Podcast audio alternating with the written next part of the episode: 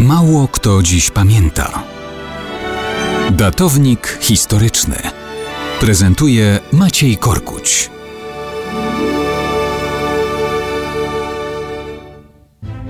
Mało kto dziś pamięta, że 5 kwietnia 823 roku cesarzem rzymskim został Chlotar I, czyli mówiąc bardziej po naszemu Lotar I, najstarszy syn Ludwika Pobożnego, wnuk Karola Wielkiego.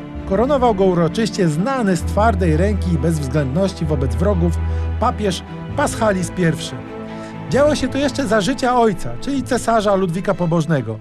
Ten chciał pogodzić swoich trzech synów, nadając Pepinowi Akwitanię, Ludwikowi Bawarię, a Lotarowi całą resztę i zwierzchnictwo nad braćmi.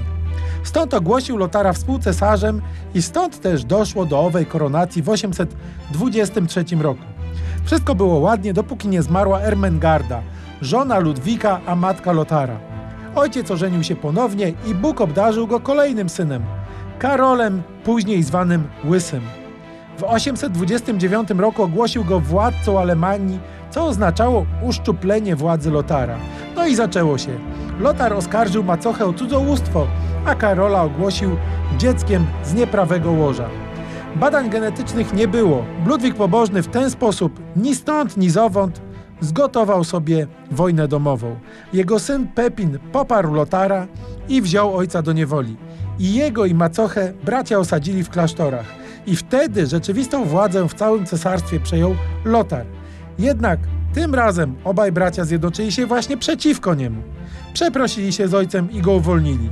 Takie odwrócenie sojuszy doprowadziło do wygnania Lotara do Italii. Bynajmniej nie uspokoiło to wzajemnych waśni, kłótni i sporów, które dopiero w 843 roku, czyli już po śmierci ojca, ostatecznie doprowadzą do nowego podziału imperium. Tak czy inaczej, miało być ładnie, a wyszło jak wyszło.